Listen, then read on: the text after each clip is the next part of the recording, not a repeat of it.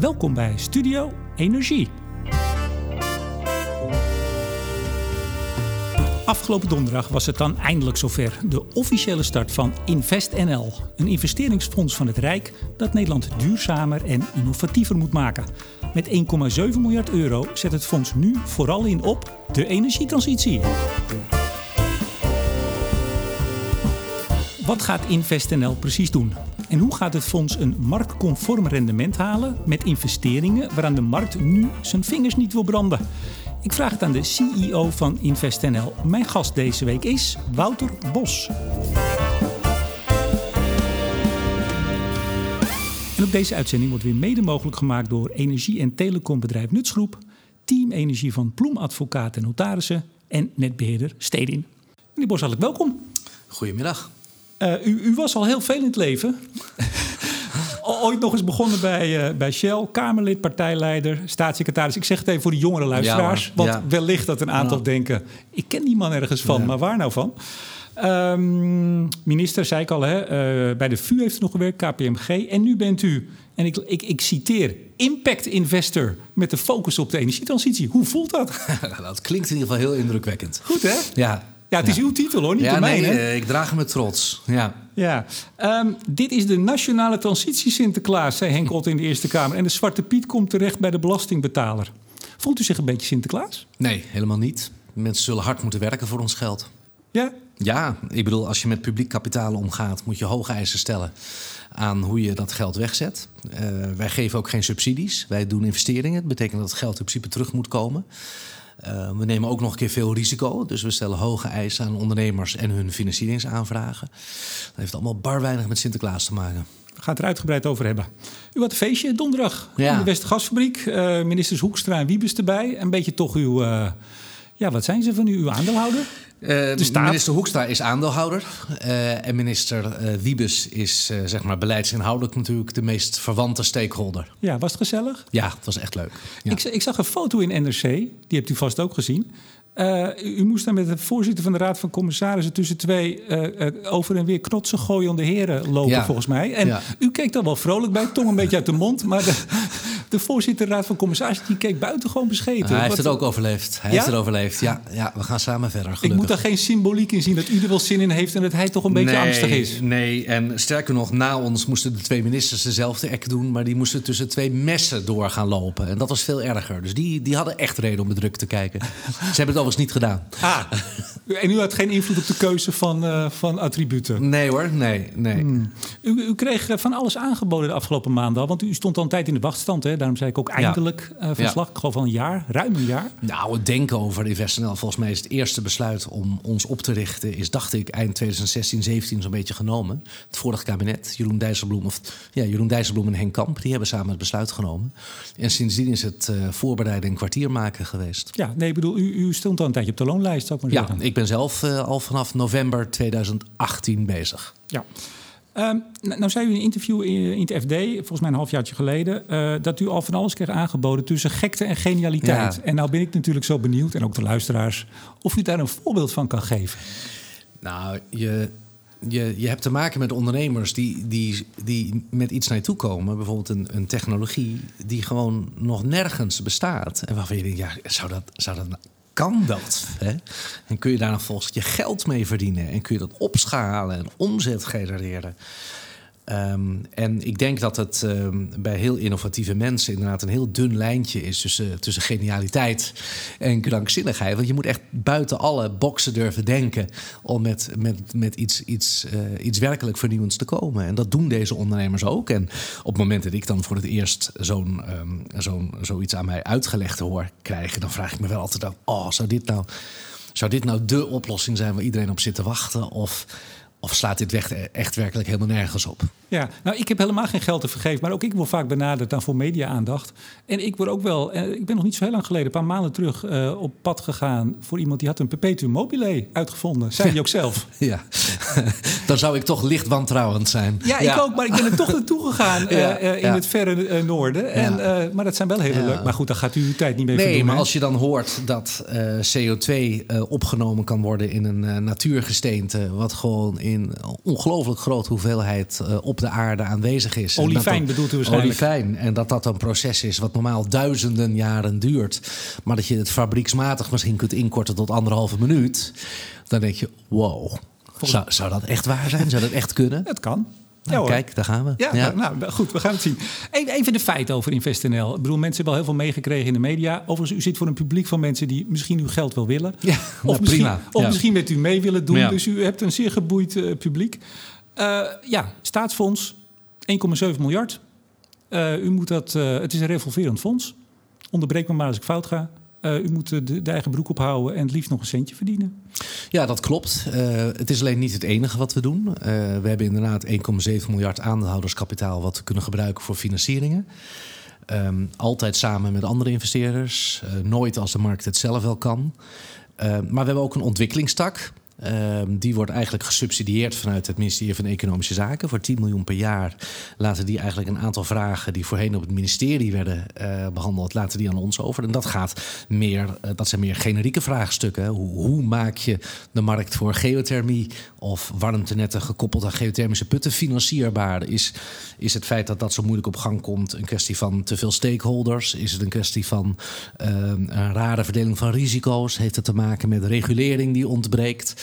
Uh, dat is ook werk van ons. Daarover ja. nadenken, advies uitbrengen, partijen bij elkaar brengen, instrumenten ontwikkelen. waardoor het financierbaar Waar, wordt. Waren er nog geen clubs die dat konden en deden?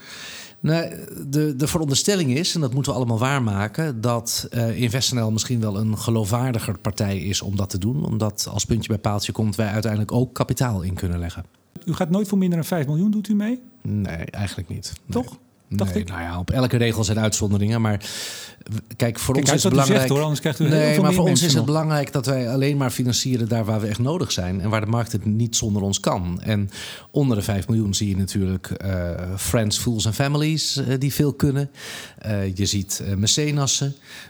je ziet RVO, Rijksdienst voor Ondernemen Nederland. Je ziet regionale ontwikkelingsmaatschappijen. Je ziet provincies.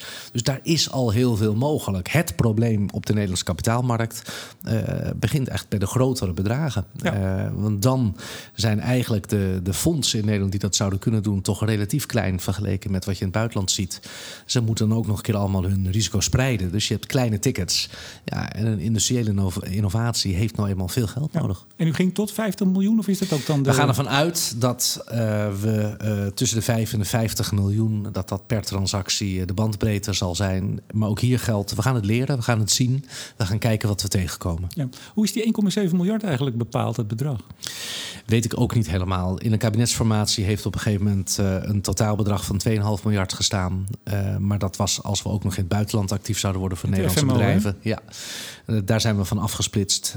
en het idee was dat minstens twee derde nodig zou zijn voor Nederland. En ik denk dat we daar voorlopig echt onze handen vol aan hebben. En heeft FMO dan ook die 800 miljoen gekregen? Of? Nog niet gekregen, maar wel gereserveerd. Ja, want u hebt de eerste betaling binnen, hè? We hebben de eerste betaling binnen, ja. het geld ja. is binnen. De salarissen kunnen uitbetaald worden. Ja, gelukkig wel. Ja, ja. wat heel praktisch. Hoe ging dat het afgelopen jaar dan? Dan is het wat voorschot. Ja, we waren eigenlijk onderdeel van het ministerie nog steeds. Dus we werden gewoon via het ministerie betaald. Ja, en u bent geloof ik officieel 12 december uh, is de akte. Klopt, ja. En toen kwam het geld binnen. Nou, en toen, toen was het helemaal echt feest. werkelijk de dag daarna stond het op de rekening. Ja, keurig. serieus, gaat het echt zo? Het ging echt bewonderenswaardig snel. Ik... Uh, ik Ambtenaren willen ook geen geld overhouden. Hè? Dus die ministeries die dachten, dit is voor InvestNL bestemd, ze zullen het krijgen ook. Moet nog gauw ja. op. Um, ik, ik, ik, las, uh, en ik kan iedereen aanraden, uw website is, uh, is buitengewoon uitgebreid. Daar is veel te vinden, dus uh, ga daar kijken. in vijf jaar tijd wilt u de hoeveelheid risicokapitaal voor de energietransitie verviervoudigen. Ja. Dat impliceert dat u weet hoeveel dat nu is. En... Nou, we hebben een, uh, een, een, marktonderzoek laten doen. Uh, en, en natuurlijk hoe je precies energietransitie uh, definieert, dat is, dat is allemaal relevant. Maar grosso modo is er de afgelopen vijf jaar ongeveer 200 miljoen euro aan risicokapitaal in de energietransitie gestoken. Uh, wij hebben gezegd, nou laten we dat nou eens proberen te verviervoudigen. Wij, wij zouden wel uh, 600 miljoen erin kunnen stoppen de komende vijf jaar. Daar hebben we budget voor. Dat past bij de expertise die we aan het opbouwen zijn. Het past bij de rol die we hebben en, en het mandaat dat in de wet staat. Uh, en dat zou iets zijn waar Nederland echt beter van wordt. Ja, en u wil het aantal scale-ups dat succesvol doorgroeit, dat wil u verdubbelen. Ben ja, dat is wel fascinerend. Als je, als je kijkt, naar, in datzelfde onderzoek is gekeken, ook in eerste instantie weer in de energietransitie Hoe succesvol zijn nou start-ups die doorgroeien tot succesvol gefinancierde scale-ups? En dan blijkt dat men dat in Duitsland en Engeland gewoon twee keer zo vaak lukt als in Nederland. En dat heeft echt iets te maken met de beschikbaarheid van risicokapitaal en geduldig kapitaal. Dus ook daar zouden wij een rol kunnen spelen. En dat gaan we ook niet alleen doen. We hebben een samenwerkingsovereenkomst getekend met uh, de organisatie waar uh, Constantijn van Oranje special envoy is. Uh, TechLeap.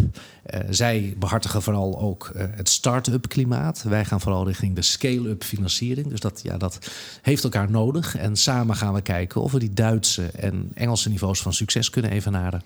Ja, want u schrijft ook, of u zegt ook, dat in Nederland zijn ook vergelijkbare fondsen als InvestNL. Wij hadden dat nog niet. U bent dus uniek, begrijp ik? Denk het wel. Ja. en ik ga ervan uit dat u denkt dat u succesvol zult zijn. Dat hebben we zeker. Uh, dat, dat is de ambitie, ja. Zeker. Maar dan is de vraag: hoe kan het dan dat wij als ondernemend land, waar al heel veel fondsen zijn en we doen van alles en uh, nou, uh, ministerie stimuleert en allerlei fondsen, hoe kan het dan dat wij misschien wel het ei van Columbus, als u succesvol bent, waarom hadden we dat niet? Ik, ik weet het antwoord op die vraag niet. Uh, maar mijn persoonlijke interpretatie is dat uh, uh, Nederland een, een, trauma heeft opgelopen bij de RSV-enquête. Voor elke vorm, actieve, interventionistische vorm van overheidsbemoeienis in economische politiek. En zeker zeg maar het, eh, de overheid die zelf gaat ondernemen. Uh, dat is eigenlijk na de RSV-enquête en hè, alle sketches van Cotenby over Molkenboer... is, dat, uh, is dat echt traumatiserend uh, door gaan werken in de Nederlandse politiek. En misschien is dat een reden waarom we in Nederland later dan in andere landen gewend zijn geraakt aan het idee dat we nu toch echt 30 jaar verder zijn. Dat er nieuwe denkbeelden zijn over hoe publiek en privaat elkaar nodig hebben om een succesvol klimaat voor innovatie te creëren. En zijn we dus ook wat langzamer met het creëren van de daarvoor benodigde instituties. Ja, het is grappig dat u eh, RSV erbij haalt. Ik, uh, er was veel kritiek op, daar komen we zo nog wel even op, denk ik. Hè? Maar er is eigenlijk vanaf het begin dat het idee werd geopperd best wel wat kritiek geweest. Vooral ook vanuit de investeerderswereld. Maarten Dauma, ik weet niet of u hem kent, columnist bij het FD. Uh, directeur van de Indofin Group. Ik zit niet in de financiën, ik neem aan dat je het zo uitspreekt, maar goed. Uh, die schreef september uh, vorig jaar. Uh, nou, die was niet zo heel bijster positief. Hij zegt, ik kan u verzekeren, wie in het huidige klimaat geen geld kan ophalen... is dat geld vermoedelijk ook niet waard. InvestNL zal illustreren wat over een paar jaar bekend zal worden... als de eerste wet van Wouter Bos. Nou, die kunt u in de zak steken. Politicus plus veel geld minus een plan is parlementaire ja. enquête... RSV versie 2.0. Ja. Ja. Is dit een makkelijk nou ja, ben, of is dit, is, snijdt nou, dit wel Ten eerste, ik ben geen politicus. Uh, en ik heb in mijn leven langer buiten de politiek gewerkt dan in de politiek. Langer in het bedrijfsleven dan uh, bij de overheid. En ten tweede, ik geloof dat onze recente economische geschiedenis laat zien dat ondernemers het ook niet altijd even goed hebben gedaan als het gaat over hoe je uh, om moet gaan met, met geld en met, met markten. Ehm, moderne economische wetenschap laat zien dat uh, publiek en privaat elkaar juist nodig hebben. Dat de meest succesvolle voorbeelden op het gebied van innovatie te vinden zijn waar de handen ineengeslagen worden. Heel aansprekende voorbeelden zijn uh, de enorme hoeveelheid innovatie die voort is gekomen uit publieke financiering van bijvoorbeeld uh, vanuit het leger in, in landen als Israël en de Verenigde Staten. Um, maar bijvoorbeeld ook eh, kijken naar publiek gefinancierde uh, universitaire ziekenhuizen en uh, wat, wat die hebben betekend voor de ontwikkeling van nieuwe medicijnen. Dat is dan iets wat daarna natuurlijk wordt overgenomen door de farmaceutische industrie, maar wat niet zou hebben plaatsgevonden als ja. het zaaien niet met publiek geld ja. gedaan zou zijn. Dus het zijn, er zijn talloze voorbeelden dat, dat juist uh, publiek en privaat samen uh, de beste resultaten boeken. En, en dat is echt economisch ook in de wetenschap gewoon gevalideerd. En nou, praktisch politiek lopen we daar misschien af en toe nog wat op achter. Ja, maar u zei, u zei even snel, ik ben geen politicus. Uh, de meeste mensen kennen u toch al zodanig. Ja. Bent u niet mede omdat u een oud-politicus bent gekozen? Want, en dat is misschien een hele flauw, maar dat is u ook wel voor de voeten geworpen. Ja, van, van investeren. Als investeerder hebt u geen ervaring mee. Nou, ik denk dat ik, uh, uh, als ik alleen maar de ervaring zou hebben gehad in de politiek... dat ik deze baan niet gekregen zou hebben. U bent econoom van huis uit, hè? Ja, ik ben econoom van huis uit. En politicoloog. En politicoloog. Ik denk dat juist het feit dat ik in het bedrijfsleven heb gewerkt... heb eerst tien jaar bij Shell gezeten. Daar kocht ik samen met mijn collega's bedrijven op, maakte investeringsanalyses, uh, creëerde en verkende nieuwe markten. Um, uh, dus juist het feit dat ik zowel in de publieke als in de private sector uh, mijn brood verdiend heb, beide werelden ken, maar ook in beide werelden thuis voel. Ehm, heeft denk ik in mijn voordeel gespeeld. Iemand die alleen maar private sector ervaring heeft en geen gevoel heeft voor het feit dat je als je met publiek kapitaal werkt, toch ook nog op een paar andere dingen moet letten. En dat niet elke bemoeienis van een minister of een parlement lastig en vervelend is, maar soms waardevol en legitiem. Ehm, die, die, die hoort niet op deze plek thuis. En iemand die alleen maar kan handelen vanuit ambtelijk perspectief en niet snapt van ondernemerschap en risico's, die hoort op deze plek ook niet thuis. Dus je, je moet juist met beide benen in beide werelden gestaan hebben.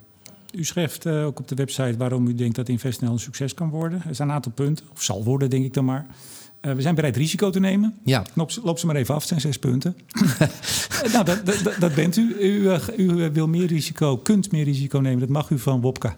Ja. Meer risico nemen dan uh, de markt. Ja, kijk, wij, het, de meeste investeerders in de markt zullen een portefeuille hebben waarin ze ook wel financiering hebben waar ze risico op lopen. Maar daar zullen dan altijd veel meer financieringen tegenover staan met relatief laag risico. Uh, onze portefeuille zal juist heel scherp uh, overhellen naar uh, de kant van relatief veel financiering met veel risico. Daar is onze toegevoegde waarde het grootst. Daar geldt al snel dat de markt het niet in zijn eentje kan of in zijn eentje wil. En we komen nu al financieringsaanvragen tegen van bedrijven waar de markt best iets wil doen, maar niet voor het volle bedrag, omdat dat gewoon een exposure is die ze niet kunnen hebben. Maar was er nou vo voordat u kwam, was er nou nergens dan dat, dat kleine beetje ontbrekend het laatste schakeltje, ja, dat was geen, niet te vinden. Het zijn geen kleine beetjes. Hè? Het gaat, zeker als je kijkt naar industriële technologie, gaat het snel om tientallen miljoenen. Uh, een fabriek financieren, uh, dat is gewoon uh, veel geld. En het is ook nog eens een keer een investering dat als het mislukt, dan staat dat ding er. En, en daar maak je niet opeens een hotel van of een bakkerij. Dat geld ben je gewoon kwijt. Uh, dat is echt iets anders dan een IT-startup uh, uh, financieren, waar relatief weinig kapitaalintensieve in investeringen plaatsvinden.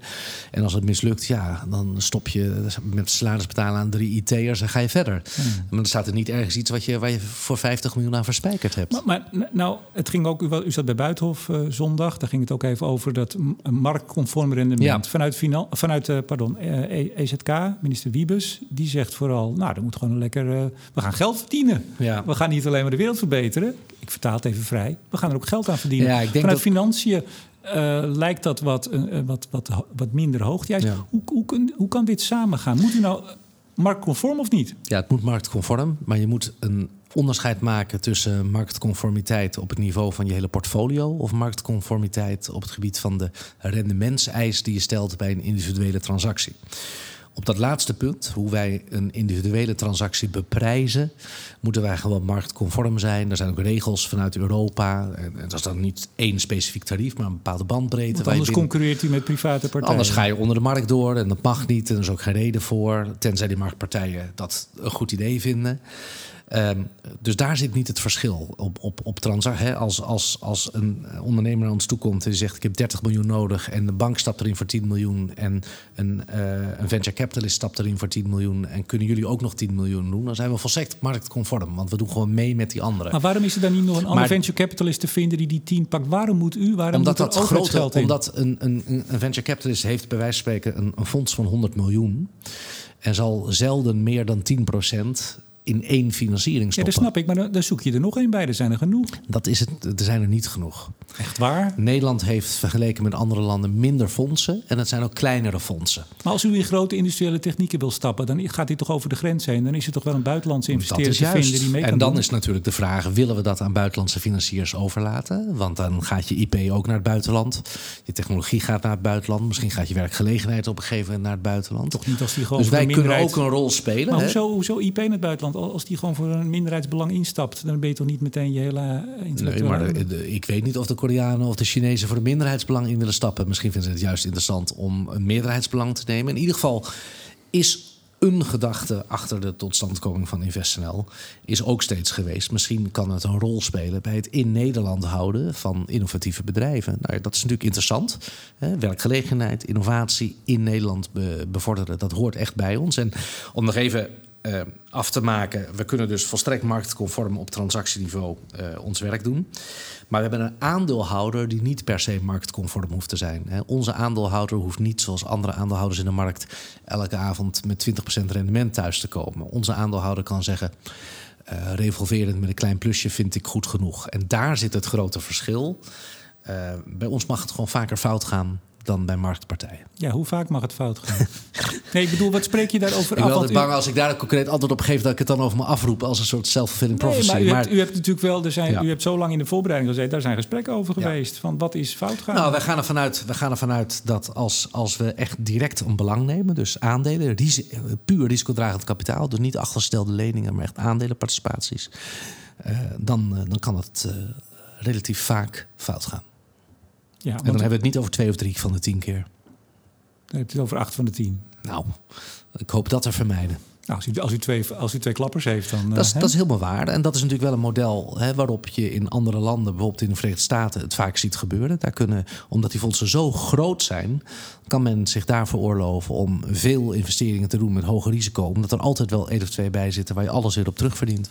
U, u, hebt, ook, u hebt ook een prachtig filmpje, geloof ik, eh, zag ik langskomen. Lekkere beat eronder, dat was heel enthousiasmerend. Um, ja, de, de, u maakt morgen mogelijk, hè? is ook nog zo'n slogan. Ja. Er zijn fantastische slogans op de site, dames en heren. Ga ze, ga ze bekijken. Um, en dan hoor ik minister Wiebes en die zegt... nou, we gaan ook geld verdienen en we gaan morgen... Ja, u lacht al. We gaan, we gaan uh, een morgen mogelijk maken. We gaan eigenlijk Nederland duurzamer, innovatiever maken. Waarom in hemelsnaam moet de overheid dan geld daarop verdienen? Ik begrijp dat echt Nou, dat niet. is ook niet ons hoogste doel. Nee, niet dat van u, uh, maar wel, wel van degene die dat uh, kapitaal ter beschikking nee, heeft gesteld. Nee, wij maken een afspraak met minister Hoekstra, de aandeelhouder... over wat hij terug wil zien als rendement. Uh, die afspraak die is nog niet concreet gemaakt. Die is voorlopig streef nou naar wat dan heet vermogensbehoud. Alles wat erin gaat moet ook weer terugkomen. En liefst met een klein plusje erbovenop. Wat is dat kleine plusje? U zegt steeds dat kleine we niet. plusje. Dan gaan we eerst eens kijken hoe de markt eruit ziet... en wat er mogelijk is en hoe dat loopt. En dat, dat is wel prettig om, om een beetje ruimte te hebben wat dat betreft.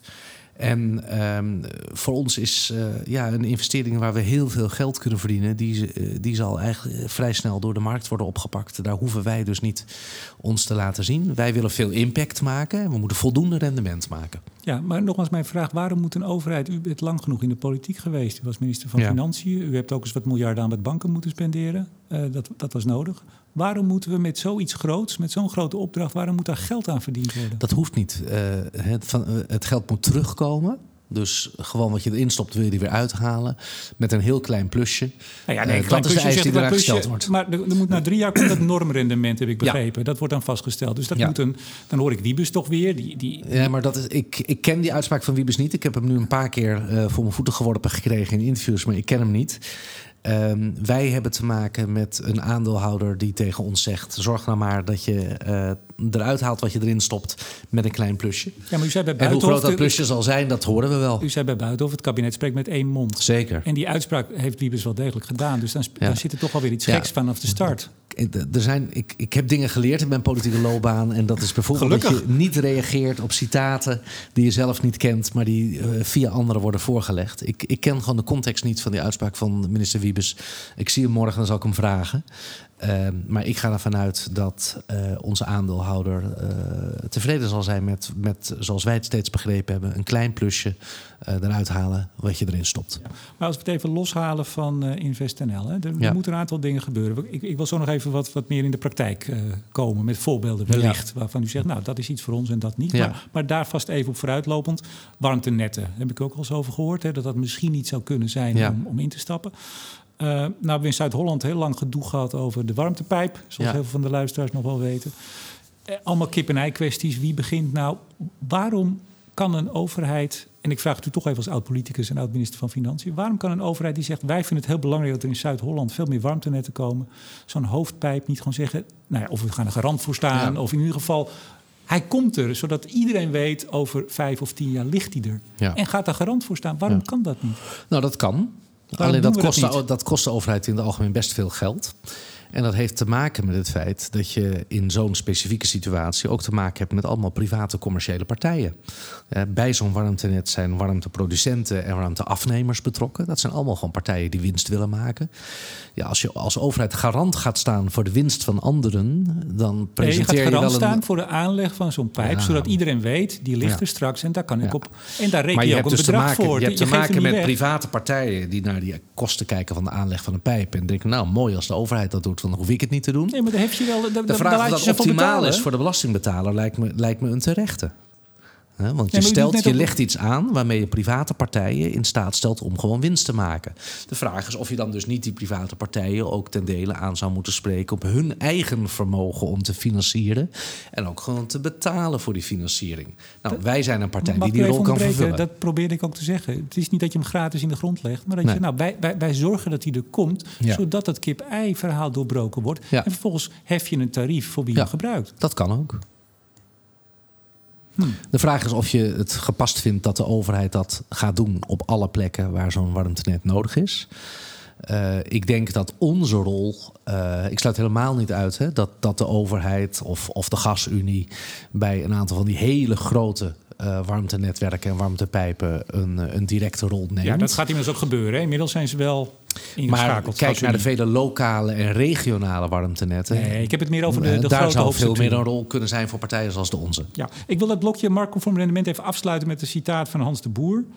Oh, u reageert niet op citaten die worden volgen. Nou, ik heb hem net uit FD gehaald vandaag. Dus dat, hij zegt, um, hij moet uh, rendement maken... terwijl overheidsinvesteringen gerust onrendabel mogen zijn. Wie dat niet snapt, snapt het hele verhaal ja. niet. Nee, en dat is, uh, dat is ook het onderscheid tussen wat wij doen... en wat dan dat uh, fameuze inmiddels Wopke Wiebesfonds zou moeten gaan doen. Dat gaat om klassieke overheidsinvesteringen... die niet terug hoeven te vloeien naar de schatkist... waar geen rendement op gemaakt moet worden... maar van, waarvan we allemaal wel zeggen... ja, het is maatschappelijk nuttig. Maatschappelijk gezien zijn de baten hoger dan de kosten. Maar dat is niet voor ons. Wij doen aan ondernemingsfinanciering. Wij willen rendement zien. Ja, fameus in de zin van waarschijnlijk komt het er toen niet. fameus in de zin van dat er, eh, ik kan een lach niet onderdrukken, dat er al heel veel over gesproken is, maar dat we inderdaad nog niet helemaal precies weten hoe het eruit gaat zien. Maar daar zie je een beetje dezelfde tegenstelling als bij het rendementsgedoe. Uh, nou, ik, ik, weet het oprecht nee, niet. Laat maar zitten. Nee. Um, waar nog maar punt 1, we gaan het niet allemaal doen hoor. Uh, u verwacht dat u uh, geld, langer op uw geld kan wachten dan anderen. Ja. Nou, dat is een heldere. U, hoeft, u ziet niet met een... Nou, je ziet dat banken zelden leningen afsluiten met een looptijd langer dan 10 jaar. dat risicokapitaalverschaffers er in het algemeen feit na 5 tot 7 jaar wel uit willen zijn. maar juist bij investeringen in echt totaal nieuwe technologieën... en zeker als het industrieel is en er ook nog ergens iets gebouwd moet worden, hebben ondernemers behoefte aan geduldig kapitaal. Kapitaalverschaffers die wel langer uh, kunnen blijven zitten met hun geld. Wat is langer, 20 jaar? Nou, in ieder geval zit je dan snel aan de uh, mogelijkheid dat dat ook 10 tot 15 jaar kan, uh, kan beslaan. En dan ben je al echt langer dan de markt. U zegt ook, en dat, dat, was voor mij een nieuwe, maar nogmaals, ik ben helemaal niet van het geld u, u, zou een succes kunnen worden omdat u toegang hebt tot Europese middelen. Dat had Nederland eerst niet. Dat vond ik ook zo'n bijzonder. Nou, Nederland, alle Europese landen hadden dat in principe. Hè, grote garantieprogramma's en investeringsprogramma's vanuit Europa. Alleen, uh, we hadden niet één kanaal waarmee we tot Europa spraken. En we zagen in andere landen dat dat kanaal wel bestond. En dat was namelijk hè, de Duitse counterpart bij spreken van InvestNL, dat is KfW. Eh, die hadden gewoon een relatie opgebouwd met Europa... waardoor Duitsland veel makkelijker gebruik maakte van die beschikbare Europese middelen. En dus een van de belangrijkste redenen geweest om InvestNL op, open te stellen was... wij willen uh, beter gebruik maken van wat in Europa voor ons klaar ligt. En we moeten dus dat kanaal creëren waarlangs die middelen tot ons komen. Ja, en dat, dat Wopke Wiebesfonds zou dat niet kunnen? Nee, dat is echt, dat is echt van een andere orde. Ja. Nou, uh, dan waren er nog drie redenen, maar die doe ik even zelf. U bent gepassioneerd en gemotiveerd. We zijn professioneel en competent. We geloven in onze missie. Nou, nou. kijk eens aan. Mooi rijtje, toch? Ja. Ik had het opvallend gevonden. Nou, we geloven er zelf ook niet helemaal in. Maar goed. um, maar, maar, maar, nou ja, ik vind het zo mooi, want uh, ja, natuurlijk bent u ambitieus. Ik heb u ook al uh, een paar maanden eerder heb ik een keer een sessie uh, begeleid van, van de club. Het is ook volgens mij al bijna, bijna ja, een jaar geleden. Ik denk dat dat december 18 was of zo. Dat is echt lang geleden hoor. Dat is lang ja. geleden. Um, toen dachten we nog dat we in maart opgericht zouden worden. Dat, die tijd was dat. zeker, maar toen had we wel een club bij elkaar. Ja. En nou, nu bent u van slag. En dan denk of aan de start, denk ja, een beetje ambitie, een beetje durf, hop en het gaat lukken. Ik, ja, ik wil het graag geloven, maar of ben ik nou weer zo typisch Nederlands dat ik denk, oh jee. Nee, we zijn, we zijn enorm opgelucht dat we nu echt mogen. Uh, een groot probleem was natuurlijk dat, uh, of probleem, dat is heel begrijpelijk. De minister had aan het parlement beloofd, zolang uh, InvestNL niet door het hele parlement heen is en opgericht is, mogen ze ook geen geld uitgeven. dus wij waren met allerlei bedrijven in gesprek. En als puntje bij paaltje kwam, moesten we zeggen: ja, sorry, we mogen nog niks toezeggen, want we bestaan nog niet. Dat kunnen we nu achter ons laten. We kunnen echt toezeggingen doen, maar dan blijft nog steeds overeind. We zijn wel uh, in het leven geroepen om juist heel complexe transacties mogelijk te maken. Ja, dat zijn geen transacties die je op een achternamiddag in elkaar zetten goedkeurt. Ja, maar ik, ik begrijp dat u uh, verklaart dat uh, pas waarschijnlijk eind dit jaar de eerste bekendgemaakt wordt. Nou, dit, ik, ik ga er vanuit dit jaar. En wanneer wanneer, weet ik niet. Heb ik dat dan verkeerd gelezen? Het eind dit jaar? Of, of ik, ik, weet, ik weet het niet helemaal zeker, maar voor u zeg ik dit jaar. Ja. nou, bij, bij deze. Nou ja, nee, ik vroeg het me af, want dat hebt u wel gezegd. Ja. Ik vroeg me af, goh, als je toch al een jaar bezig bent, dan zijn het wel hele complexe transacties. Als je er nu Zeker, nog eens een jaar dat over het ook. Dat zijn transacties waarvan de markt zegt ze zijn te complex voor ons te riskant. Hm. Die kritiek die er was, moet het toch even over hebben. Nou, de, de, de private investeerders of de, de, de, beleggingsjongens, die waren, stonden meteen, liepen te hoop. Is, nou, dat, is dat een natuurlijke gelukkig reactie? niet allemaal hoor. Ja, ik denk dat... Uh, het, laat ik het zo zeggen, het was in ieder geval altijd... niet allemaal, maar wel veel. Er was altijd een opvallend onderscheid tussen ondernemers... hoe die dachten over de komst van InvestNL en financiers. Ondernemers waren enthousiast. Die zagen dat ze te weinig risicokapitaal, te weinig geduldig kapitaal konden krijgen. En misschien waren de investeerders bang dat we met hun zouden concurreren en, en marktaandeel zouden afsnoepen. Nou, dat doen we niet. Nee, u hebt, u hebt het niet geliefd gemaakt door te zeggen: die mannen waar het nu over die vrezen dat ze straks niet meer in een Porsche kunnen rijden. Dat heeft nogal kwaad bloed gezet. Als u, hoort, als u hoort hoe ik bejegend word, de, wie kaatst kan de bal verwachten. Oh ja, nee, het maakt mij niet uit wat u allemaal zegt. Maar u, u, hebt u daar niet geliefd meegemaakt. We zitten hier op de nou, Zuidas, nog uw, uw tijdelijke kantoor, hè? Nog eventjes. U je moet tegen een stootje kunnen, vind ik, in dit wereldje. En het is een mooie manier om te vertellen dat wij een aandeelhouder hebben... die niet met 20% winst thuis hoeft te komen. Ja. En dat maakt echt verschil. Maar we zijn er niet om andere partijen uit de markt te drukken. We zijn er juist om andere partijen te verleiden om met ons mee te doen. Dus ik beschouw al die andere investeerders, ook de sceptische, als, uh, als bondgenoten. Ja, ik dacht ik help u even om te vertellen dat u naar Sloterdijk vertrekt. Want ik, het viel me op ook bij Buitenhof dat u dat toch snel even erin wilde fietsen. Nou, dat u niet van, de, van het chique Zuidas Dat klopt, bent. ja, ja dat, dat is wel een beetje waar. De Zuidas is een heerlijke plek om te werken. Maar het is ook wel een beetje de plek waar de gevestigde financiële elite uh, zit. En uh, bij Sloterdijk uh, zitten we iets meer tussen de innovatoren en de start-ups. Um, en nou ja, we zijn gewoon een bedrijf. We moeten onze eigen broek ophalen, uh, ophouden. en dus letten we ook op de kosten. En dat scheelt ook heel fors of je op Sloterdijk zit of op de Zuidas. Ja, maar vol volgens mij zitten we hier ook in onderhuur, toch? Of niet? Maar nog steeds scheelt het ongeveer een derde van de huurprijs. Kijk eens aan. Nou, allemaal te investeren. Allemaal te investeren. Um, ja, dus u zegt, ach, die kritiek, dat viel wel mee. Ja, daar moet je tegen kunnen. Ja. en, en, het is gewoon verder, weet u, het is gewoon aan ons om te laten zien dat de critici ongelijk hebben. Ik, we bestaan alleen nog maar op papier, we hebben nog niks laten zien. Uh, we hebben dus gewoon helemaal nog waar te maken. Ja, Tjarda Molenaar, die is van de vereniging Venture Capital, Capital Fondsen, pardon. Invest krijgt, nou, krijgt een onmogelijke opdracht mee. Dat is niet zozeer kritiek op, op u of op uw fonds, maar meer op de opdracht waar u mee... Nee, sinds die uitspraak hebben we een aantal keer met haar gesproken. En ik denk dat de relaties echt goed zijn. Uh, zij weet ons te vinden als er in haar achterban zorgen zijn. Wij weten haar te vinden als we samenwerking zoeken. Uh, dat, dat, komt wel voor, dat komt wel goed. Maar kijk, om nou een voorbeeld te geven. Zij gaven ook aan, ze zeggen wij weten waar marktpartijen nu hun venture capital instoppen daar zijn jullie dus niet nodig.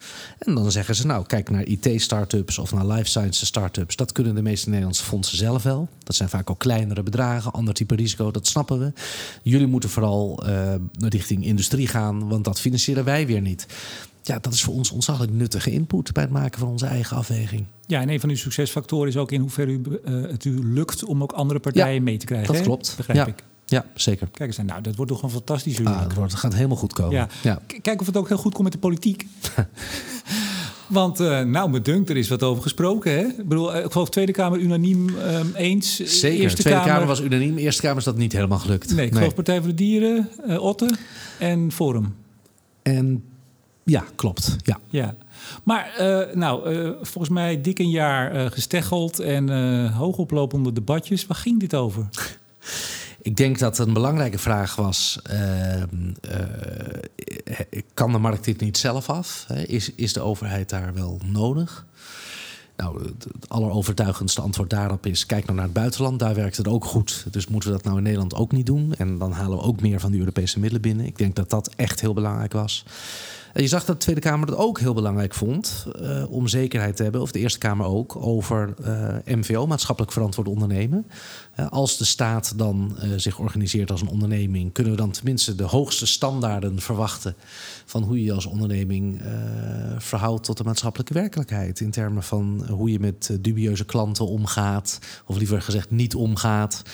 Um, of, je, of je niet dingen doet waar die, die schuren met mensenrechten en dergelijke. En men wilde natuurlijk wel zekerheid hebben dat we op dat punt onze boel op orde hebben. Nou, daar hebben we ook erg veel tijd en energie aan besteed. En dat deugt. Ja, ik, ik zag de, brief van minister Wiebes. Die kwam denk ik ook donderdag of vrijdag eh, naar buiten. Zeven kantjes, geloof ik. En daar stonden heel veel van dat soort zaken omschreven. Toen dacht ik, is er nog wel iets waar u kunt investeren als ik zie waar dit tegenaan gehouden wordt? Want ik, ik snap wel dat, dat u dubieus, nou dat is op zich ook nog wel over te twisten wat dubieus is. Maar het lijkt wel echt of u alleen maar de allerbeste, de allerschoonste jongetjes van de klas geld mag geven. Nou, dat, ik, ik denk niet dat het zo zal lopen. We hebben ook nadrukkelijk gezegd, het is niet, niet per se zo dat bepaalde bedrijven bij ons meteen buiten de boot vallen. Het gaat er wel op wat die bedrijven willen met hun investering. Er zijn bedrijven die bijvoorbeeld nu in de sfeer van fossiele energie actief zijn, maar die een investering willen doen uh, die heel goed past bij de energietransitie, namelijk minder afhankelijk worden van fossiele energie. Uh, ja, dan heb je een bedrijf die wat dus eigenlijk een, een, activiteit heeft waarvan je zegt, nou, nou, nou, dat is nou niet echt wat we willen, maar die wel een investering doet die de goede richting in gaat. Dan wordt het voor ons toch interessant, want die transitie die willen we stimuleren. Ja, ik, ik kom daar zo op, want ik, ik had toch één zinnetje, vond ik wel mooi uit de brief dat uw uh, bedrijfsmodel dat is gebaseerd op de verk. Dus niet partijen die in de handel van drugs, wapens en munitie zitten. Ja, nou ja, dat, dat zijn dingen die we niet helemaal zelf hoeven te verzinnen hoor. Maar je kijkt, als je gewoon kijkt naar. Nee, maar waarom moet het in een brief van de minister over een fonds om de energietransitie ja, omdat, verder te omdat brengen? De Kamer, omdat de Kamer daarin geïnteresseerd was. En wij natuurlijk niet alleen maar in de energietransitie investeren. Het is ook onze eigen keuze geweest om daar prioriteit aan U te geven. U gaat niet in de herdenplantages, begrijp ik. nee, was ik ook niet van plan. Maar we, ah. we mogen in meer dan in de energietransitie. En dan is het wel belangrijk om aan te geven ook welke terreinen in ieder geval niet gaat investeren.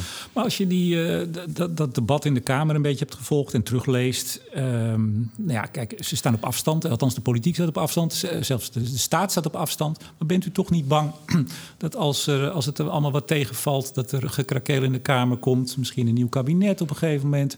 en die denkt, nou, laten we toch maar weer stoppen met dit... Uh... Nee, daar ben ik niet bang voor. Maar ik denk wel dat het belangrijk is om, ook voor InvestNL... ook al zijn we autonoom, ook al worden we niet aangestuurd uh, via moties... Uh, we doen er wel goed aan om ons eigen draagvlak in, in, in de politiek en in zeg maar, het bredere maatschappelijke debat wel uh, ja, op, op orde te houden. Uh, dus we moeten goede relaties hebben met partijen die iets van ons vinden. En dat is in belangrijke mate ook mijn werk. Maar op, kijk, nou laat, laat, laat ik een voorbeeld geven. Bijvoorbeeld staat ook in de brief van Wiebus: uh, dierenwelzijn moet niet ten koste gaan van. Nou, dat snap ik, maar ook biodiversiteit. Ja. Nou, bijvoorbeeld biomassa. Ja. Uh, dat gebruiken we in Nederland. Ja. Sterker nog, heel veel gemeentes willen daarin verder. Er zijn ook allerlei nieuwe technieken. Waarschijnlijk hebt u er al een paar aan de deur gehad. Ja. Uh, superkritische watervergassing, SCW in Alkmaar bijvoorbeeld. Als u die nou het langs gaat, zegt u dat dan? Knikt u dan even of niet? Nou, eh, dit zijn bedrijven waar wij inderdaad nu al contact mee hebben en uh, waar gesprekken mee lopen. Uh, en breder vind ik wel dat wij ook gewoon zelf op een gegeven moment een idee moeten hebben over wat de toekomst is van biomassa en biobrandstoffen in de Nederlandse economie. Ja, maar kijk, Want dat bepaalt ook het risico van onze investering. Zeker, maar in Europa wordt bio, uh, biomassa gezien als energie of ja. uitstootneutraal, dat weten we allemaal. Ja. Biodiversiteit is een ander punt. Bent u niet bang dat een Kamer dan toch op een gegeven moment iedere investering die u doet uh, nog eens even zelf tegen het licht gaat houden? En dan wordt het wel heel erg lastig, want hoe zorg je dat alles. Als ik die brief lees, dan denk ik, nou, het, het moet allemaal uh, halleluja zijn. En dan pas mag u instappen. Kijk, wij zullen jaarlijks verantwoording afleggen over de investeringen die we doen. En een van de criteria waar we dat aan mee afmeten is: wat is nou de CO2 die je reduceert per geïnvesteerde euro? En dat geldt ook voor investeringen die te maken hebben straks met biomassa en biobrandstoffen. En als dan blijkt dat je die euro beter ergens anders in kan investeren om meer CO2 te reduceren, gaan we dat doen. Daar zullen wij gewoon verantwoording over, over afleggen. Maar daaraan voorafgaand zullen wij eerst ook zelf gewoon een visie moeten ontwikkelen op biomassa en biobrandstoffen. Daar zijn we overigens ook druk mee bezig. Maar het lijkt me heel erg lastig, want het kan best zijn dat het op korte termijn misschien nog even minder reduceert ja. per euro, maar over 10, 20, ja. 30 jaar wel. Het, het, is, het is, uh, dat is een van de dingen die vrij snel leert in deze discussie. Uh, is dat het, het is zelden zwart-wit. Uh, het is vol van grijstinten. En soms moet je op de korte of de middellange termijn een oplossing voor lief nemen. Die misschien nog niet optimaal is, maar wel de enige route richting een oplossing die op lange termijn werkt. Als ik u bijvoorbeeld, u hebt in de media altijd over kernenergie, of dat is ja. u voorgelegd, die vraag van zou dat ook kunnen? Ik geloof dat u ja zei. Dat kan, zeker. Zeker. Ja. Maar, maar een andere, want uh, dat is dan CO2-neutraal, althans voor het overgrote deel. Maar bijvoorbeeld um, de, de, de winning van aardgas in Den staat erg onder druk. Dan heb ik het niet over Groningen, maar kleine velden. Daar ja. is heel veel verzet tegen. U weet wellicht ook dat als we het uit Rusland halen, wat een van de weinige opties is, dat het ongeveer een 25 tot 30 procent slechtere klimaatvoetafdruk heeft. Mhm. Daar komt meer CO2 bij vrij, althans meer broeikasgas. Als er nou partijen bij u komen, uh, u zit overigens in hetzelfde pand als Vermilion, uh, toevallig hier in, uh, in Amsterdam, die zeggen nou wij krijgen het niet meer gefinancierd om kleine velden te exploiteren. Want bijvoorbeeld omdat we krijgen geen geld meer. Zou, zou, u daarin stappen? Want dan reduceert u de uitstoot. Ja, nou, we hebben in ieder geval niet bijvoorbeeld dat uitgesloten dit is wel, denk ik, een markt waar in het algemeen voldoende financiers voor zijn. En waar wij niet echt nodig zijn. Er zijn zoveel partijen actief op het gebied van energiewinning en fossiele energiewinning en financiering daarvan. En in het algemeen zijn bedrijven die zelf ook fors kunnen financieren vanaf hun eigen balans. Dat daar zijn wij niet echt nodig. Um, dus ik, ik sluit dat allemaal niet uit. Maar ik geloof niet dat het heel waarschijnlijk is kijk naar impact, hè? dat is uw doel. Rendement het middel staat er ook als prachtige slogan. Ja. ik, heb, ik heb nog twee, dat is even uit, uit uh, denk die ook heel veel luisteraars kennen. Fastnet, uh, dat is een scale-up, denk ik. Ja, zo zou je het kunnen zien. In ieder geval een snel groeiend innovatief bedrijf. Die hebben nog heel veel geld nodig. Ja. Uh, die, die geven nu, geloof obligaties uit met 6% rente. Mhm. Nou, die hebben dus niet heel makkelijk om geld aan te trekken, ja. uh, zeggen we dan maar. Is dat iets waar u in zou stappen? We sluiten het niet uit. En uh, we hebben ze ook al wel eens uh, gesproken. Uh, ook hier geldt wat ons betreft, uh, eerste vraag, zijn er marktpartijen die het kunnen doen en dan zijn we niet nodig? Of wordt het risico gezien als zo groot dat marktpartijen zeggen, nou we willen het misschien een beetje doen, maar, maar niet het geheel? Uh, dan wordt het voor ons interessant. Ja, dat, dat is dan het gesprek wat we zullen hebben met Vaasnet. Ik ben bang, alle voorbeelden die ik u voorleg, dat u zegt we sluiten niks uit. Of niet? Ja, en dat heeft ook te maken met dat ik ook gewoon net als een andere bank of, of investeerder zou zijn, ik, ik ook niet al te expliciet over individuele bedrijven kan praten. Omdat het vaak ook gewoon bedrijfsvertrouwelijk is of je wel of niet financiert. Zo ja, tegen welke voorwaarden. Ja, nou laat ik er dan nog eentje doen. Dat was uw voorganger hier aan tafel uh, van Empix Power. Ik weet niet of u dat kent, dat bedrijf. Die uh, ontwikkelen eigenlijk een hele nieuwe vorm van windenergie. Daar zijn ze al meer dan tien jaar mee bezig. Het is eigenlijk op basis van wat ooit Wubbe Okkels met een, met vlieger. Precies, dat. Ja.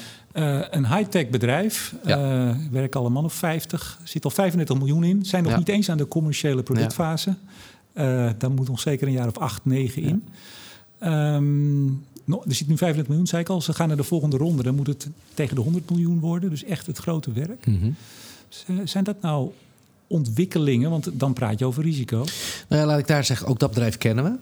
Uh, dus dat, is een, uh, dat, dat valt allemaal binnen, binnen een markt die wij interessant vinden en, en, waar we verwachten dat we wellicht ook actief zullen zijn. Wat nou bij dit soort bedrijven voor ons in de praktijk heel doorslaggevend zal zijn, is de vraag of er een andere investeerder is die bereid is om er ook geld in te steken. Een investeerder die al een track record heeft bij die technologie en dat type investering en die bereid is zelf risico te lopen. Als er zo'n partij is die zegt: ik doe het, ik loop risico, ik heb het eerder gedaan, ik geloof erin, ik weet wat ik doe.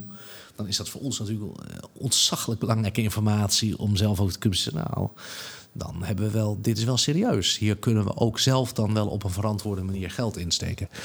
Um, maar als geen enkele marktpartij iets ziet in een concrete innovatie of een concreet bedrijf, dan is het zeer onwaarschijnlijk dat wij het wel doen. Maar u zou toch juist diegene kunnen zijn die net dat, dat laatste setje geeft aan dat soort partijen, zeg maar, dan doe ik ook mee. Ja, dat kan. Maar dan moeten er dus eerst andere partijen zijn die zeggen: wij zien het zitten, we hebben het eerder gedaan. En daar kunnen wij zeker vertrouwen aan ontlenen. Van nou, die partij die steken natuurlijk niet zomaar geld in. Die lopen risico, maar die weten wel wat ze doen. Maar dan krijg je ook kunnen wij ook. Dan krijg je ook weer een beetje kip-ei. Gaat u op elkaar zitten wachten? Nou, Als u het doet, zeggen ze oké. en u zegt ik, ik denk dat in de eerste jaren van ons bestaan uh, wij relatief vaak benaderd zullen worden door anderen. En dat naarmate we zelf ervarener worden en meer kennis opbouwen, zullen we zelf het initiatief vaker nemen. Ik heb de quick scan op uw website. Daar kun je snel kijken of je, of je überhaupt iets van een kans maakt. En maakt u een kans? Ik, nee, natuurlijk niet. Geen enkele. Maar ik heb mij voorgedaan. Ik heb dus echt, ik heb een, een, een, een, nou, dat kunt u misschien wel zien op de statistiek. Ik heb heel veel keer gepoogd te kijken van hoe werkt dat nou? Er zijn ah. vijf vragen. Ja, dat was ik dus. Welke naam was dat? nee, ik heb niet ingevuld. Ah, Nee, ik heb niet opgestuurd. Maar um, dan is wel een van de belangrijke criteria inderdaad. Ik geloof even de laatste vraag. Hebt u een andere partij? Of ja. wel iets van een toezegging? Ja. ja. Maar ik zag ook, dat vond ik wel een grappige. Uh, u zit vooral nu in die energietransitie. Uh, elektrificatie, uh, circulariteit, agri-food, et cetera, gebouwde omgeving. Maar ik zag ook de, de rubrieken horeca en cultuur, sport en recreatie. Ja. Is het op de groei gemaakt, die website? Of? Nee, maar dat is, uh, je, wil, je wil dat iedereen... Je kunt op een gegeven moment natuurlijk ook een vakje overig in gaan vullen. Hè? En ik geloof niet dat horeca, sport en recreatie... het meest voorhand liggend is voor ons. Maar, ja, maar de grap is... maar we hebben een mandaat hè, wat breder is dan alleen maar energietransitie. Ja. Nee, maar ik heb dus gepoogd als horecaondernemer... Die uh, 10 miljoen nodig had... En, en, al toezeggingen had van, van andere partijen... dan kom ik er ook niet bij u in. Nee, nou... um, daar zullen vast goede redenen voor zijn. Ja. Ja, ik zou het gewoon weghalen als ik u was. Maar goed, dat, dat is gewoon een gratis advies. Um, ja, en, en dan moeten ze, mensen moeten dus uh, uh, financieel model overleggen, natuurlijk een businessplan zetten. En ze moeten, dat vond ik wel mooi, uh, bijna gaan, zijn we aan het eind, een beschrijving geven van de belangrijkste impact van hun investering. Ja. Lijkt me best lastig. Ja, maar wel belangrijk. Want wij stoppen er alleen maar geld in als wij ons kunnen verantwoorden op, op impact. alleen maar veel geld verdienen, daar zijn andere financiers voor. Zeker. U had geloof ik zondag al 120 u had er eerst 50, geloof ik, 70 bij op donderdag. Hoe, hoe ja, ik had er nu 150 staan. Maar dat is echt, uh, daar zit ook echt een boelrotzooi tussen. Ja. Mensen proberen het uit. Dus ik weet ook niet hoe vaak u er tussen staat. Maar, nee, ik heb het niet opgestuurd. het zijn niet per se nee, allemaal uh, serieuze nee. financieringsaanvragen. Nee. Er zit gewoon heel veel gek en dwazen tussen. Daar, dat gaat een beetje uitproberen en dat is oké. Okay. Ja. Um, nou, onder de luisteraars zitten ongetwijfeld mensen die denken... nou, dit is mijn kans. Gewoon maar naar de site, quickscan. www.invest.nl Ja, invest-nl.nl Ja. En, en, en er zijn, zullen ook andere mensen zijn. En ik sprak laatst al iemand die zei: Nou, als je hem spreekt, vraag even: zoeken ze nog mensen?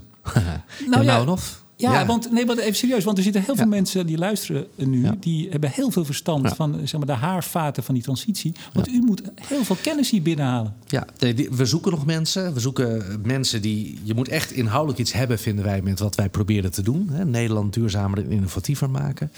En dan kunnen we hier heel veel uitdaging bieden. En, en dat je snel kunt leren en snel mag werken met, met grote bedragen en complexe investeringen.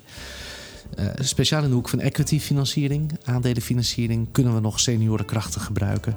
Ook op het gebied van strategiebepaling. Wat wordt nou het energiescenario van de toekomst? Waar willen we ons geld in steken? Wat gaan we nou met waterstof wel of niet doen? Wat gaan we nou met biomassa wel of niet doen? Uh, dat type strategische analyses, uh, daar zoeken we ook nog mensen voor.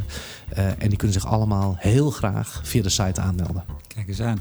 er komt ieder jaar een, een voortgangsrapportage, begreep ik. Daar gaat iedereen nu beoordelen. Wordt het dan een beetje zoals vroeger op school? Van nou, Wouter doet heel erg zijn best. En ja, behalve mooie ik, vorderingen. Nou, nou, geen groene vinkjes en rode kruisjes, geen cijfers. Maar ik hoop gewoon over een paar jaar dat uh, iedereen die u achter deze microfoon krijgt, zal zeggen: Nou, ze hebben het toch waargemaakt. En we, ik had mijn twijfels, maar ze doen, ze doen de goede dingen. Ik kan niets anders dan u daar succes bij wensen. Dank u wel. Wouter Bos, CEO van InvestNL. Hartelijk dank voor dit gesprek.